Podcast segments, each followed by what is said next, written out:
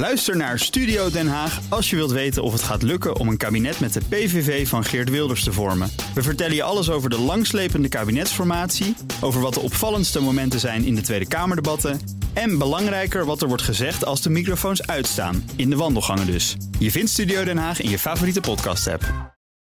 De column van Jaap Jansen. Voor het nieuwe kabinet Rutte 4 geldt: alle begin is moeilijk. Staatssecretaris van Cultuur en Media Gunay Oesloe liet zich ontvallen: Ik vind het nog niet echt leuk. Enkele bewindslieden hadden al problemen voordat ze beëdigd waren.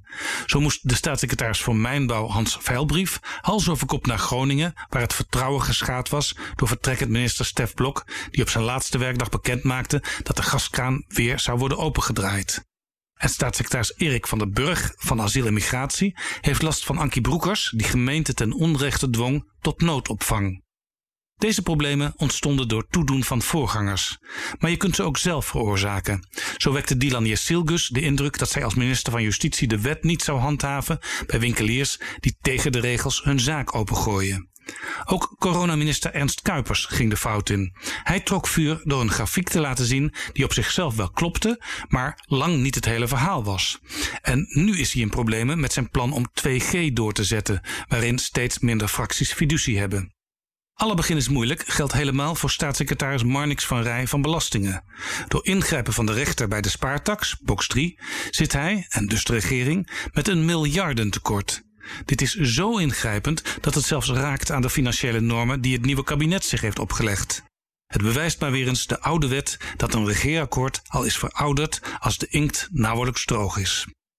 Nu hebben de winstlieden beloofd allemaal een brief naar de Tweede Kamer te sturen waarin ze haarfijn uiteenzetten wat ze de komende jaren van plan zijn. Een hoofdlijne brief als lakmoesproef voor hun beleid. De eerste en enige hoofdlijne brief tot nu toe is van minister van Binnenlandse Zaken Hanke Bruins-Slot.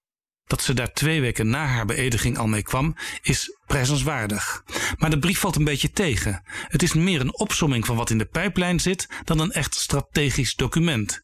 Juist van de minister die gaat over bescherming van de democratische rechtsstaat en investeren in een vitale democratie, zoals het zelf omschrijft, mag je meer verwachten.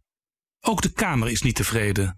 Martin Bosma, die vorige week de commissievergadering over de brief voorzat, vertelde: Het ging alle kanten op. Op een gegeven moment zijn we maar gewoon gestopt met praten en naar huis gegaan. Alle begin is moeilijk.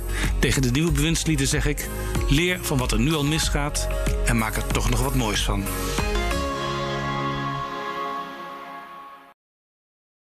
Ook Hugo Reitsma vind je in de BNR-app. Superhandig die BNR-app. Je kunt alle programma's live luisteren, breaking nieuwsmeldingen. Je blijft op de hoogte van het laatste zakelijke nieuws. En je vindt er alle BNR-podcasts, waaronder natuurlijk de belangrijkste, Boeken zijn in de wijk. Download nu de gratis BNR-app en blijf scherp.